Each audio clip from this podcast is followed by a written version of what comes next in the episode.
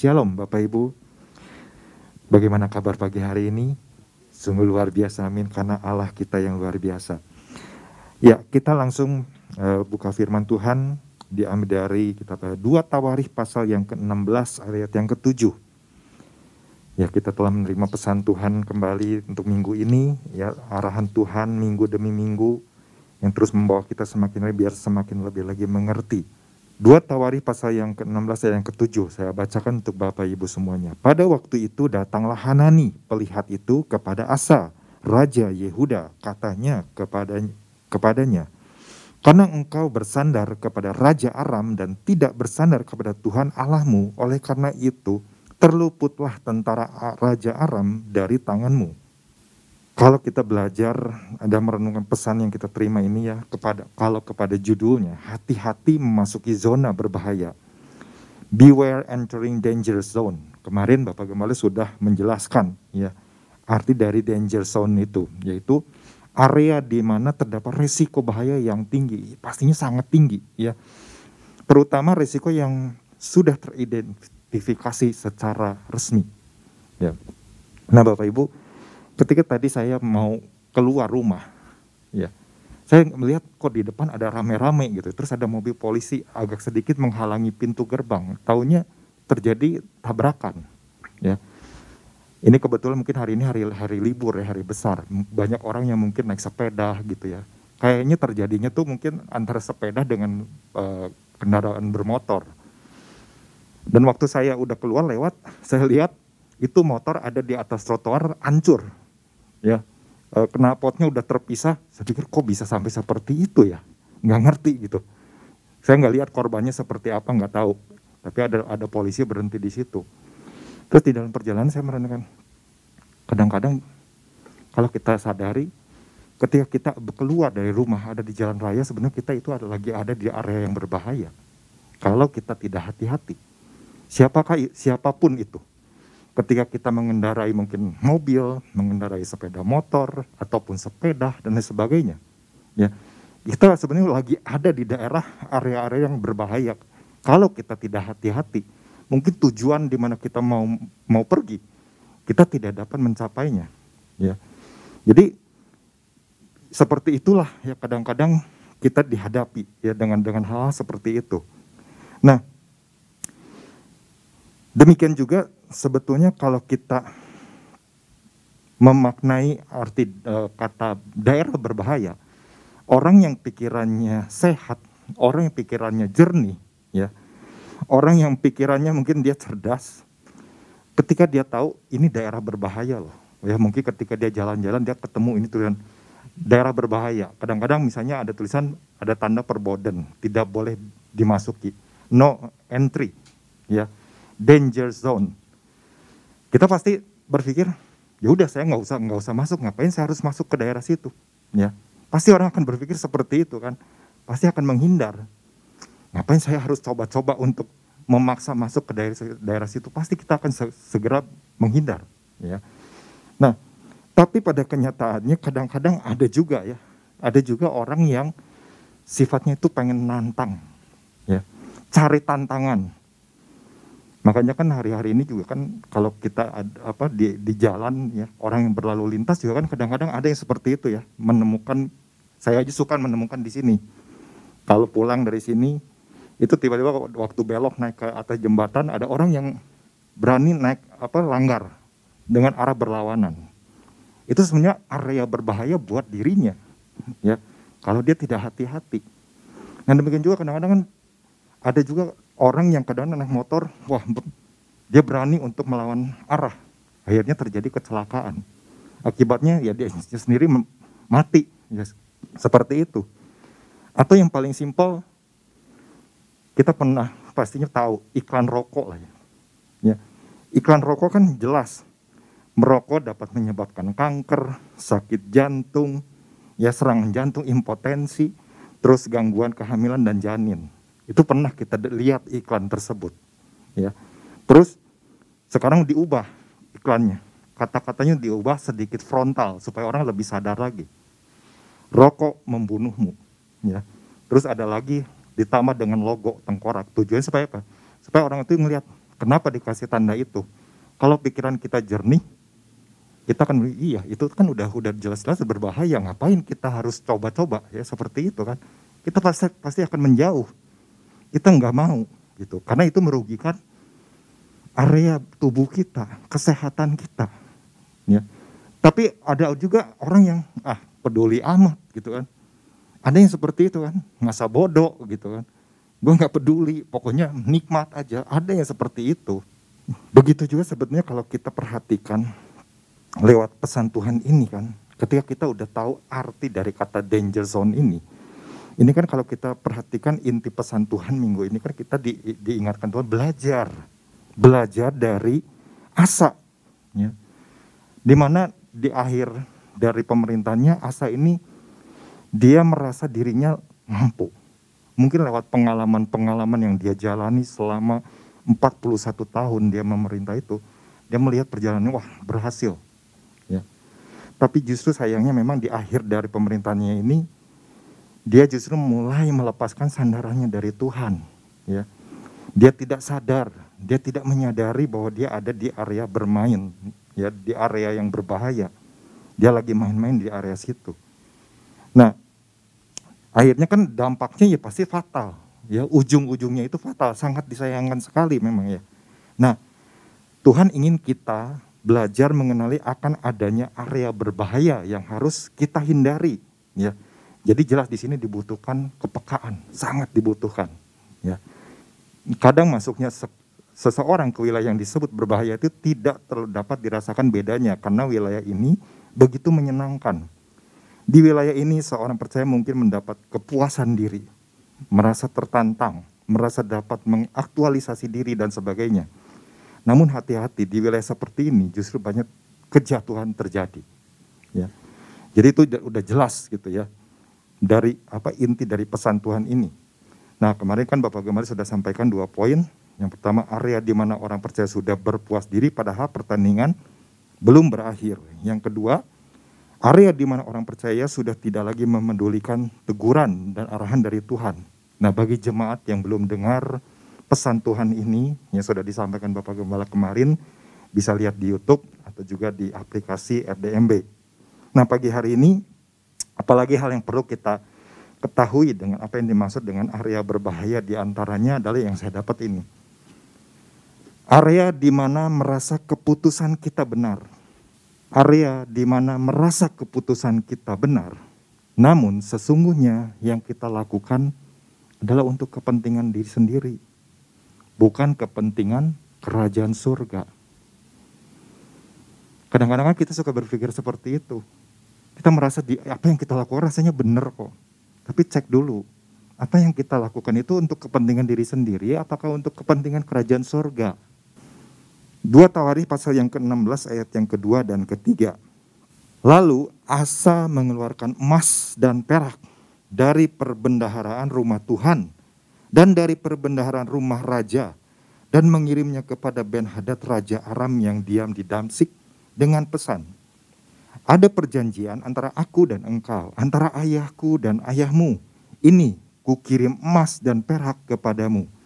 Marilah batalkan perjanjianmu dengan Baisa, Raja Israel, supaya ia undur daripadaku. Ya, kalau kita perhatikan dari peristiwa ini, apa yang dilakukan oleh Asa ini sepertinya, ya dalam tanda kutip sepertinya baik. Tapi apakah ini untuk kepentingan kerajaan surga atau untuk kepentingan dirinya sendiri nih? Ya.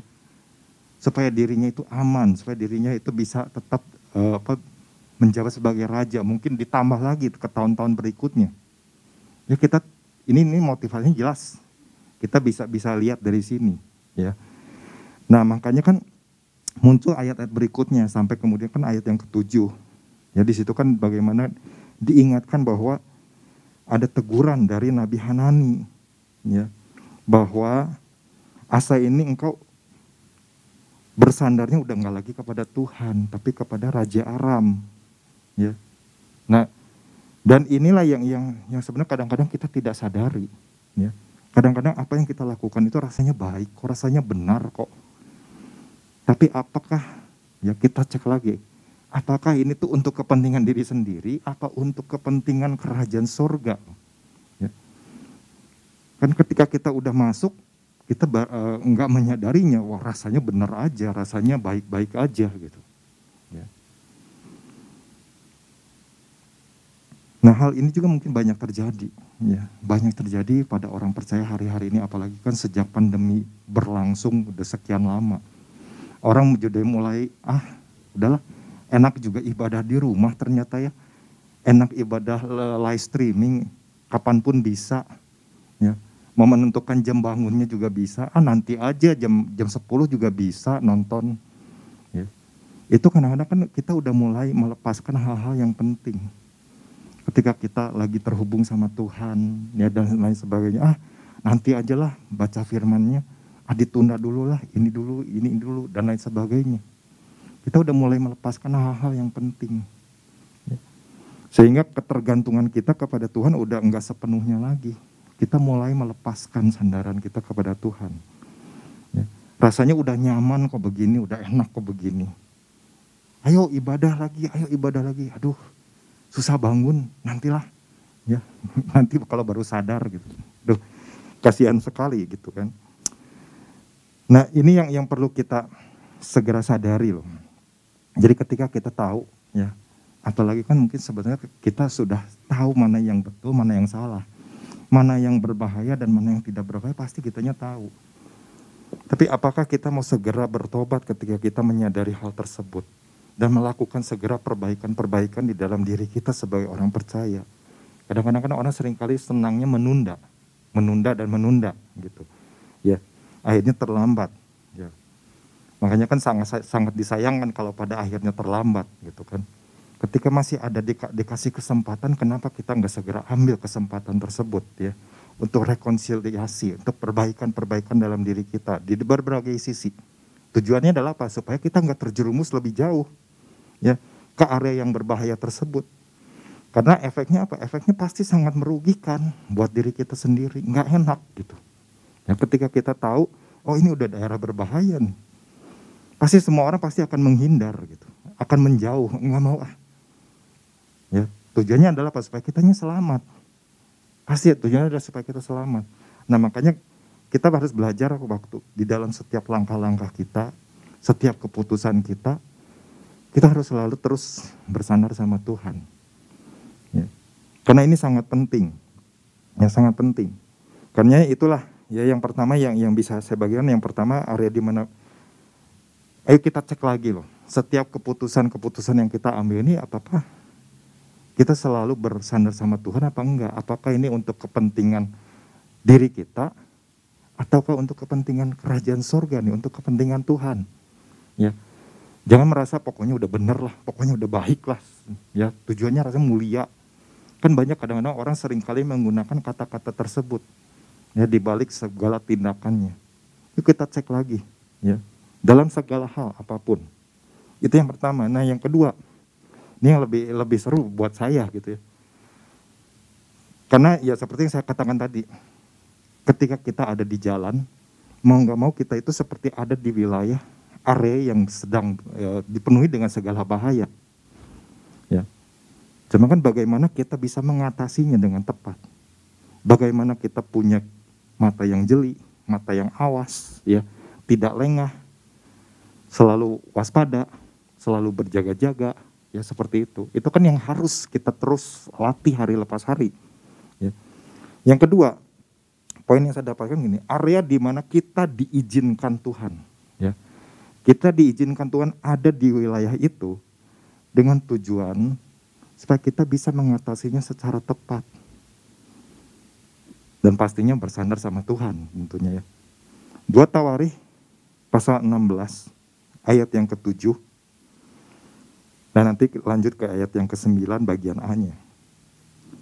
Pada waktu itu datanglah Hanani pelihat itu kepada Asa, Raja Yehuda katanya, kepadanya.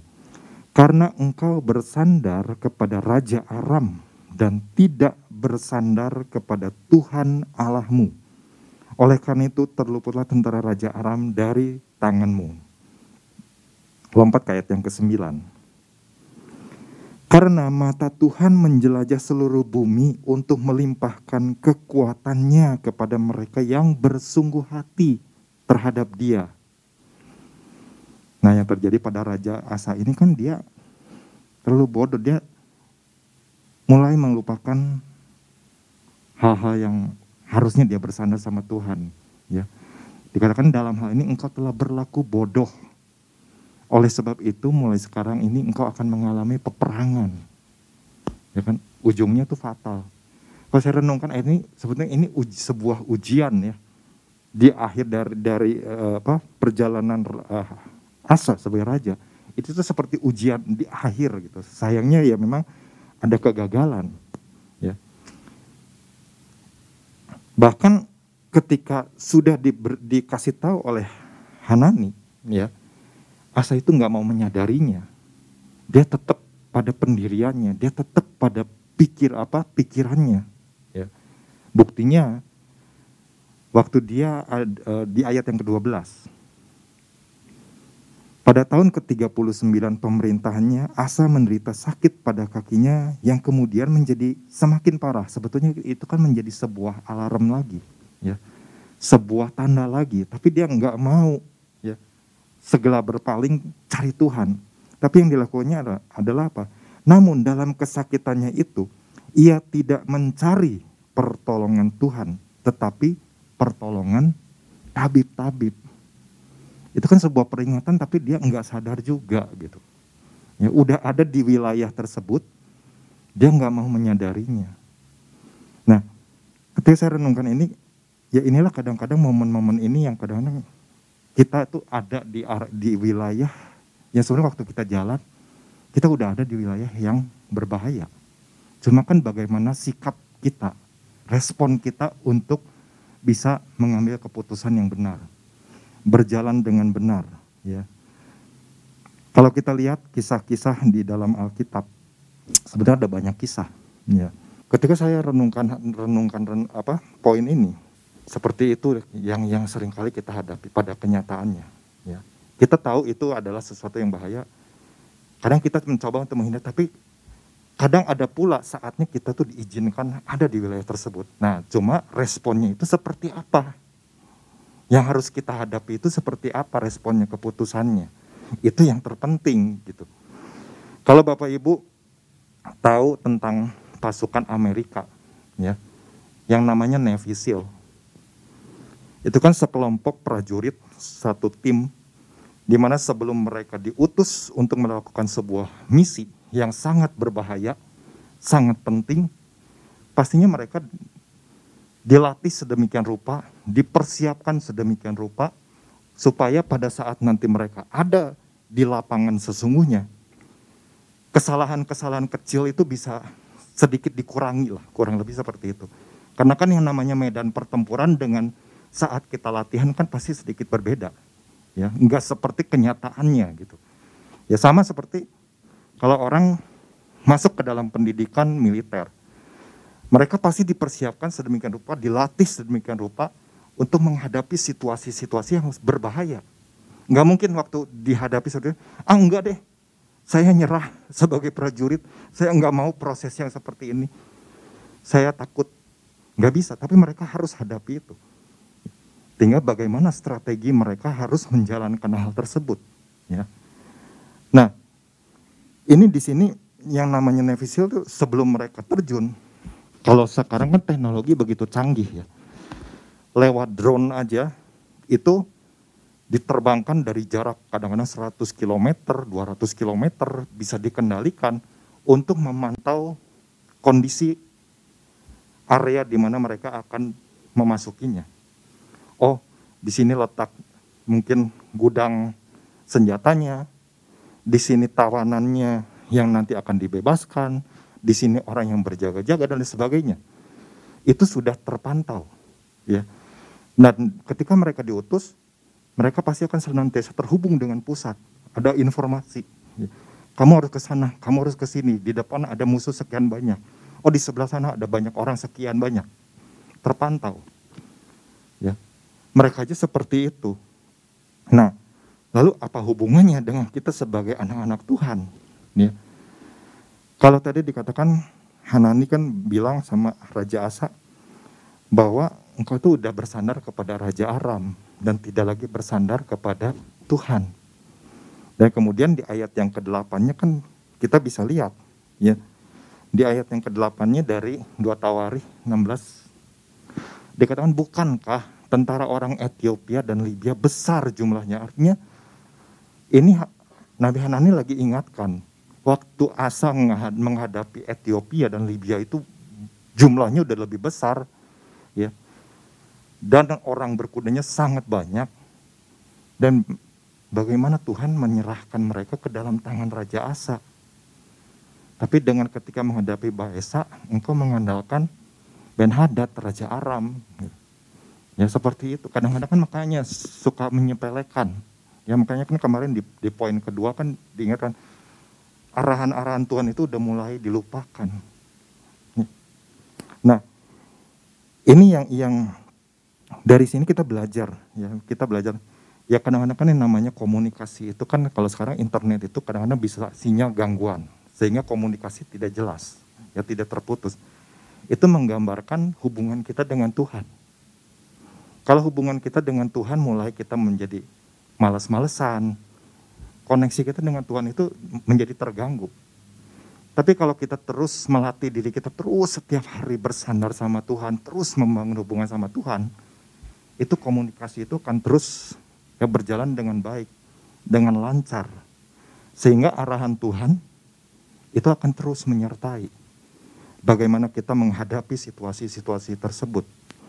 Nah inilah yang yang luar biasa Bapak Ibu. Jadi ketika kita tahu ada ada hal yang Tuhan memang benar-benar izinkan, maka percayalah Bapak Ibu bahwa Tuhan pasti akan membackup membackup kita, memberikan kekuatan kepada kita jadi jangan seperti rasanya wah pengalaman aku di masa lalu begini loh.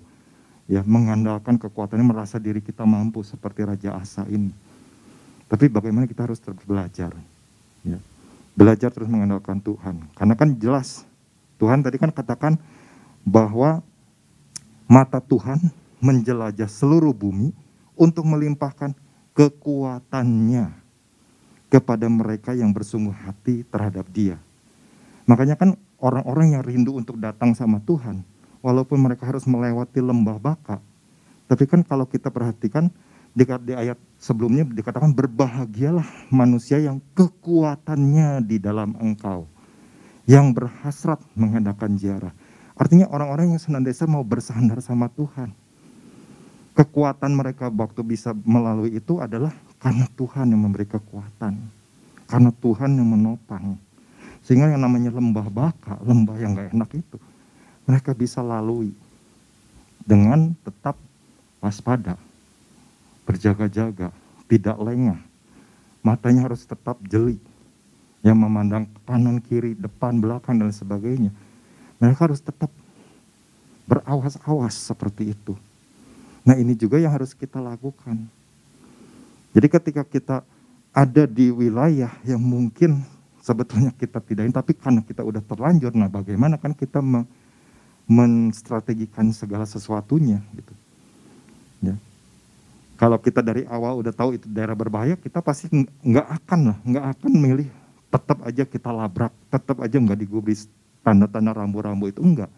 Kita pasti akan bilang, oh iya ini nggak boleh masuk, ya udah. Ya. Kita minta lagi pimpinan Tuhan. Tapi ketika kita sudah terlanjur, ada bagaimana nih cara kita ngatasinya karena setiap orang kadang-kadang pasti ada di wilayah tersebut, mungkin pernah mengalaminya. Atau mungkin saat ini sedang ada di wilayah tersebut. Yang jelas, kita belajar ya lewat pesan ini untuk harus selalu terhubung sama Tuhan. Connected to God. Tetap menjadi sebuah bagian yang sangat penting untuk kita jalani di dalam kehidupan kita. Karenanya dua hal inilah Bapak Ibu yang kiranya bisa terus memotivasi Bapak Ibu di dalam pengiringan kepada Tuhan untuk jangan pernah hubungan kita itu terputus dari Tuhan. Ya. Terus cari Tuhan. Ya, sehingga segala wilayah apa pun yang mungkin Tuhan bawa ya, bawa diri kita, kita benar-benar bisa atasi dengan tepat. Ya. Tuhan Yesus memberkati.